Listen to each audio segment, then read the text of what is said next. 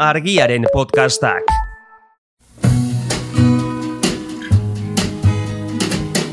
Don't know much about history.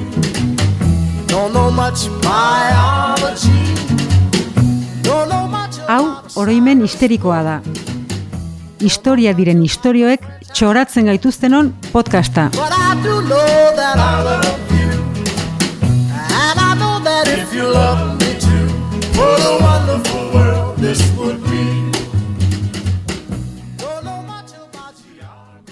Bonjour, nagore. Zaba, e punto. Eh, gaur saio borobil boroia, borobil borobila osatzera goaz. Bat ere ertzi gabekoa. Buelta asko mandare beti melodia atsegina sortuko duena izan ere, ba musika diskoen inguruen hitz egin behar dugulako eta batez ere hoiek gure herri santu hontan ba izan duten aintzindariaz, aintzindariez edo Bai, eta gainera efemeridea ere borobila da. Ze e, Donostiako Kolumbia Disko Fabrika martxan jarri zutela aurten eun urte betetzen dira. Eta, eta hori izan zen Euskal Herriko lehen diskoetxea literalki. Hau da, diskoak e, fabrikatzen zituelako hori da. zituela. Baina berez eh, diskoa etzen e, musika grabatuta reproduzitzeko lehen euskarria izan, eta argizarizko zilindroak izan ziren. E, mila sortzien deirurita mazazpian, Tomas Edisonek fonografo zilindrikoa asmatu zuen, edo patentatu, ze horre ere ez dakigu Edisonek zer asmatu eta zer e, patentatu ah, zuen. Claro, horre polemika dago, eh? Bai. Bai. Baina kontua da, e, asmakizuna Parisko mila zortzion dela betziko erakusketa unibertsalean, ez, e, ez dakit, e, aurkeztu zutela edo ez, egintzela ezaguna, eta hurrengo urtean, laro marrean, pues ja lehengo zilindro komertzialak e, jarri zituztela salgai. Eta hamarkada horren amaieran bertan, e, Bilboko gutxinez bi etxe, bi, e, ez, e, bi Bai, fabrika edo, fabrika. fabrika Bai. baino gehiago, bai, bi etxe e, zilindroak fabrikatzen ari hasi ziren, eta, eta hori, azkenean, esan dezakegu hori diala lehenengo diskoetxeak, komila artean, ez, e, donostiako fabrika baino, e, hogeita bost urte lehenago e, hasi zirelako hortan. Baina, horren berri dakigu, familia ezagun bati esker, bai, bai, zein da. Ibarratarrak, Ah, betu Ibarra zen. familiak. Ba, utzi da zu gauza bat esaten. Eh, eskerraldeko honek eskuina aldeko familia horri begira esatez nahi zara, Ibarra, Ibarra neguri auzoari izena eta izan eman zioten eh, esklabista spekulatzaile ustel frankista, Baita, eh? fascista, eh, klasista hoiek, edo beste Ibarra batzu dira.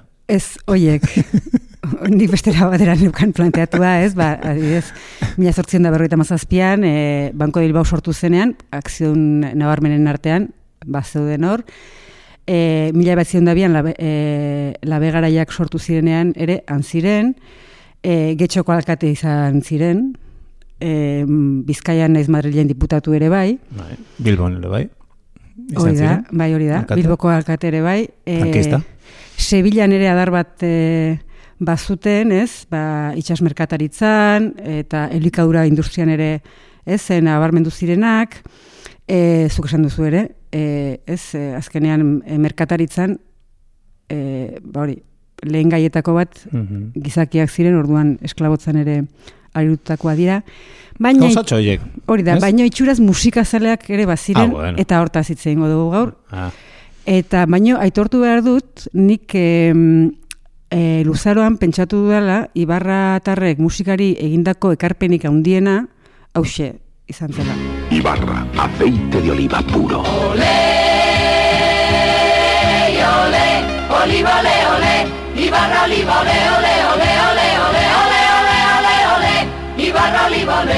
Ibarra, aceite de oliva puro. De hoy y siempre.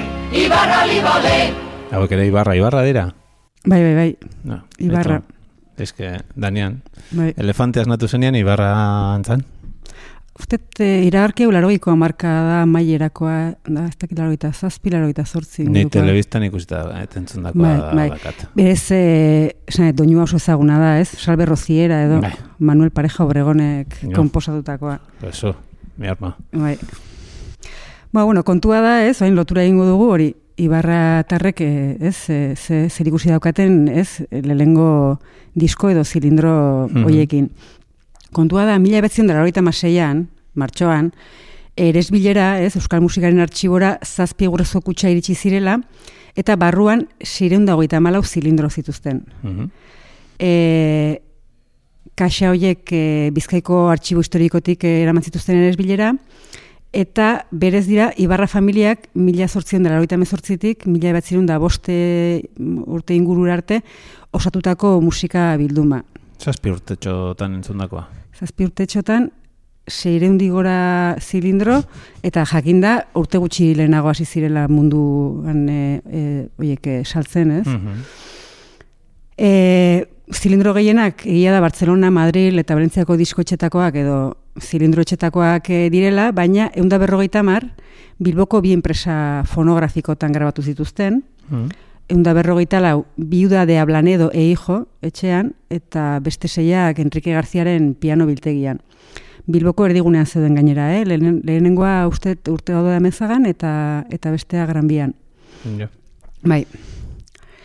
Orduan, e, ablanedoren alargunaren zigilu hortan, e, denetik dago. Daude operak, Berdi edo Wagnerrenak, Zarzuela, Espainiar kantuak, Abanerak, baina Euskal kantu batzuk ere eta zortziko batzuk badaude.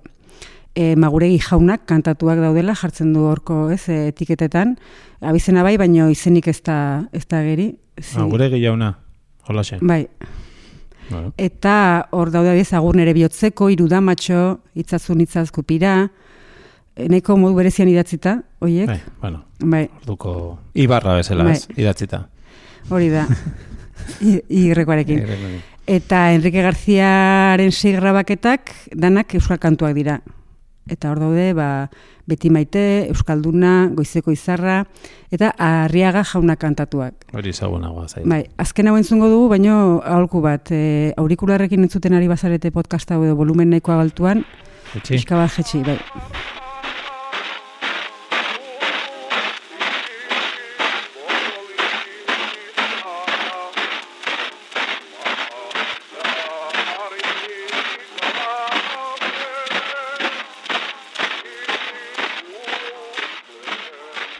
Bueno, entzuten dugunez, e, Baina trapo oinarri hori, eh, nola Bai. gara hartan, hain entzindaria zean, eh? ez, ez, ez, kontua da, zilindro gehienak oso eratxarrean iritsi zirela e, eresbilera. Em, han jatorrizko kaxetatik atera zituzten, eta kanpotik bitzen zituzten kotoiak endu zieten, eta kontuatu zian ezetasunak oso ez asko kaltetu zituela. Eta uste dute ze- seguraski izango zala mila batzion dela iruko Bilboko uolde Bai, bai, famatuak. larri, bai, ba, hoien ondorioz. E, zilindro batzuk zeuden puskatuta, beste batzuk e, erreta ziruditen, ez? Eta gehienak, bus ezetasunagatik ontjoak hartuta zeuden. Eta orduan egin zuten azan, salbatu zitezkeenak ondo garbitu, e, digitalizatu, restauratu, eta, eta bueno, entzun duguna eta beste batzuk e, entzun gai daude, eresbilen webgunean, entz, Mhm. entzun nahi dituenak, hau da, hortarako timpanoak bai. dituenak, bai. Eta horrela, Ibarra familiaren zaletasunari esker, Noski. edo aberastasunari esker, ze imaginatu, gara hortan fonografoak eta zilindroak zegarestiak izango ziren, eta seireun digorako bilduma izatea, ez? Zazpi urtetan, segurazki Euskal Herrian, ba, musika gehien bilduko zuen etxea izango zen. Segurazki, bai, bai, bai. Eta bueno, egia da soinu kalitatea oso kaskarra dela, baina, baina bueno, ez, haiei esker, eh, Euskal, Herri, Euskal Herrian egindako lehenengo diskoak iritsi zaizkigu. Ni handitan aberatxe esan nahi dut. Gero ja, eh, oza, bankari, lapurra, bakizu. Eta gero, pues, oza, horrena lapurtu, baina gero eman, emateko. Emateko. Ez? Haue bezala. Argizari ja, emateko. Kara, gizari emateko. Erderazko adieran. bai, hori da. bai, bueno, orduan hori izan zen pixka bat aurrekaria, ez? Baino, jake eun urte bete berdi ditun, ba, Kolumbia etxeaz e, itzen dugu orain. Mhm. e, hori bai, limaz, ba, e, hori zan baitzen benetako diskoak e, egiten lehena, ez? Esan dugun bezala, mila betzen dagoita iruan, sortu zen fabrika, eta martxan jarri zuena Juan Inurrieta, donostiarra izan zen, eta mm, eta berez, Inurrietak horni gaiden da bat zeuka, baina mila betzen da mazazpian, urtarrilean, erabaki zuen musika industriaren munduan sartzea, e, Eugenin Sausti hartu zuen bazkide, eta Hispanoamerikana sozietatea Jesus. sortu zuen. Ze, ze, ze munduari irekita nola baita Hori da, bai, Donostitik. hori da. Ba, pianoak, pianolak, organoak, bobinak, idazmakinak saltzen zituzten, baina hogeita iruan insausti hiltzen eta eta inurrietak erabaki zuen sozietatea desegitea eta diskoen industria berriaren aldeko apustu erabaki egitea erabaki zuen. Orduan Londresko Kolumbiarekin, ez? Columbia Gramophone Company Limitedekin eta AEB-tako Columbia Recordsekin em, haien e, lizentzia eskuratu zuen eta hasi zen diskoak egiten arbelezkoak zirela. Mhm. Orduan. Eta ez dakit e, badakizuen, baina fabrika hori zegoen e, benta berri auzoan. Bai, Orain inguru hori asko datu da. bai, bai. Donosti gehiena esala. Nik ez nuen ezagutu, e, Columbia fabrika, baina bai inguru hortan jabon lagarto, cervezas en león, Mhm. bai, bai. Zer animali polita zianan, eh? Bai. Hori da. Em, kontua da, urrengo amarkadan, hogeita marreko amarkadan, em, pues bueno, ospea lortu zuen fabrikak, eta eskaera, ez, haunditu egin zen, fabrika berare bai, eta estatu batu arrengo mendioz, estudioare jarri zuen. Hau da, diskoak prentsatzeaz gain, hasiko ziren ere grabaketak egiten. Eta urrengo amarkadan, Kolumbia, ez, e, etxeak beste gomendi bat egin zion, e, ekoizpena Madrilera eramatea. Multinazionalaren gomendia beti Bai, handira jotea. baino inurrietak etzun e, donostitin mugitu nahi, eta orduan sinetu zituen beste diskotxe batzukin akordioak, ez? Barclay, Decca, Durium, London, Ez txikiak, ez? ez?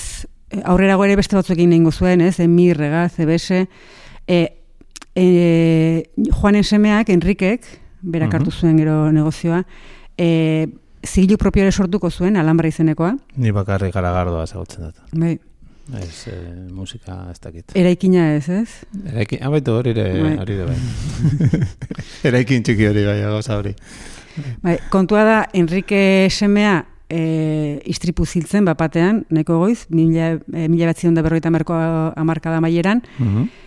Eta testuamentuan gauzak ez zituen garbi utzi, gora berak horri izan ziren, baina nagusiki, esan dugun bezala ez, hiri handietan aztena, e, azten ari ziren industriaren presiopean, ba, negozioa itzaltzen joan zen. Esan bezala, saiatu ziren, ba hori, EMI, Rega, CBS, eta beste konpainia batzukin, e, ba hori ez, lanean e, aritzen, baina azkenean iruroita magustean Mhm, itxi zen fabrika. Bai. Baina, bueno, bitarte hortan Zer egin zuten? asko, Espainiar musikan oso, oso garrantzitsuak izan ziren. Zer ondo? Bai, besteak beste, Sara Montiel, A bai, gure lehengo podcastean jarri genuen bere abesti bat, bai. Beti eredugarriak. Julio Iglesias edo Los Bravos. Taldeak haiekin garatu zituzten lehenengo diskoak. Julio Iglesiasen lehenengoa. Bai, bai. Jode. E, mus- Donostitik mundura. hori da, Donostitik Miamira. hori da. Eta flamenkoa adibidez asko grabatu zuten, Alhambra eh, zigilupean, ez? Baina euskal musikarekin ere aritu ziren, eta hor ba, nagusiki Donostiako Orfeoia grabatu zuten, e, Celestino Saone baritonoaren grabaketak ere bai, eta badago e, disko berezi bat, eta da txirrita bertsolaria kantatzen entzuten dena.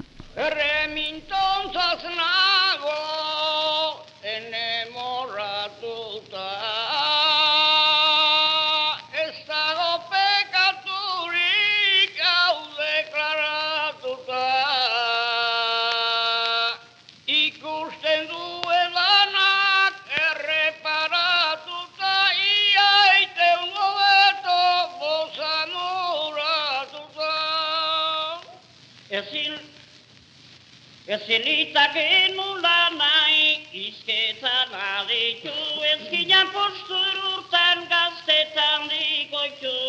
Txirritua, txirrita da lehenengoa, eta bigarrena agertzen dena jartzen du asteasu dela.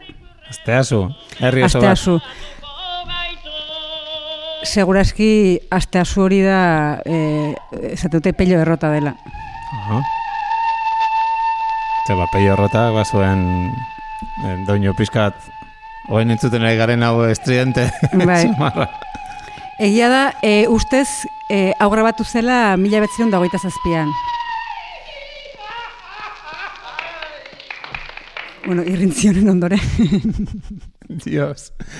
ba, hori, e, mila betzion da hogeita zazpian, e, e, ez dakigu oso ondo nun grabatu zen, agian e-puntok honi buruz gehiago jakingo du, edo beste beko e-punto estitzuk. Ah, bertsolari zena batik, dioso. Bai, em, esaten dute, Santo Tomas egunean izan zitekeela donostian, esaten dute irratian grabatu zela, seguru dena da, em, Kolumbiak bai, ez? Gaina regal Kolumbia zigilupean, atera zuela diskoa, ez? Txe- txe- Txirritak? E, enpresa, baino, ez, ez zutela grabatu e, Kolumbiako estudioan. Ze Mm. hogeita zazpian baldin bada, oraindik anetzekoan zegoen estudiorik. Bai. Baina, bueno, nahiko arribitxi, ez? No, no, Berezia Julio. Iglesias zetik eh, txirritara, pues badago, Bai. ez? Badago, hor kolabo polita zegoen hor, eh? Pizka gehiago iran izan bazun Bai, txirritak. hori da, hori da. Baina, bueno, Hogeita masean hiltzen ez da. bai. Gaur egun egiten dira, ba, osea, holografiekin, eta hola, aba eta hori, pues, Hori eh? da, Ba, bito bai. gara horiek zehatzeko, ba, Julio Iglesias, sí? Los Bravos inguruan. Ba, be. Bueno, txirrita Julio Iglesiasen seme berria. Beste bat. bueno, barkatu. E, kontua da, eta e, azkenean estatu batuetan edo Inglaterran grabatzen ziren e, diskoak ere Donostiako fabrikan e, ez, gero ekoste zituztela. Eta adibidez, mila betzian da irurogeita iruan, dekukistaldeak e, grabatu zuen single bat, disko txiki bat, Don't Say Nothing Bad About My Baby e, izenekoa, beste aldean Softly in the Night abestia zeukana. Eta kuriosoa da, ze be, 2000 emeretzean, donostian bertan, em, Mojo Working jaialdian dekukistaldeak jo zuen, Mhm.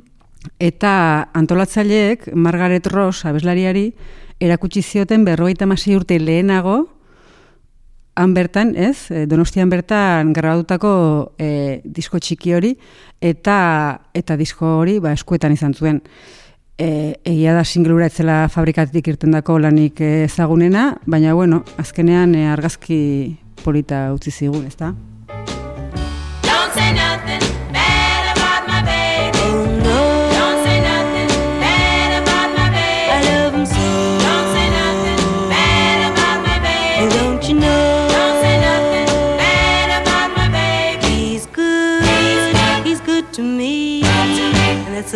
I care about.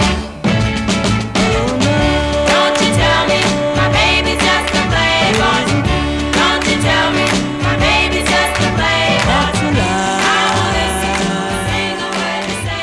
He's my God. Don't you tell me. Eta argazki ikusi nahi duna, Margaret Ross abeslaria bere, bueno, donostian egindako diskorrekin, ba, podcast honen albistean dago ikusgai, nun, nun eta, ba, donostiko Kolumbia, baina urte gehiago dituen edabidean.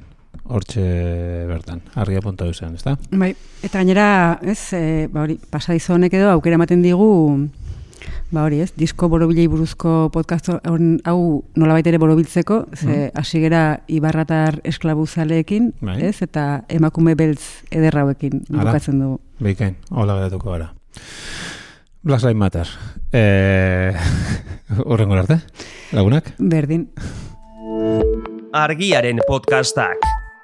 Podcast hau libre eta doan zabaldezakegu argiaren komunitatea osatzen duten milaka lagunek proiektua diruz babesten dutelako. Zuk ere kazetaritza independentea bultzatu nahi baduzu, egin zaitez argiako kide.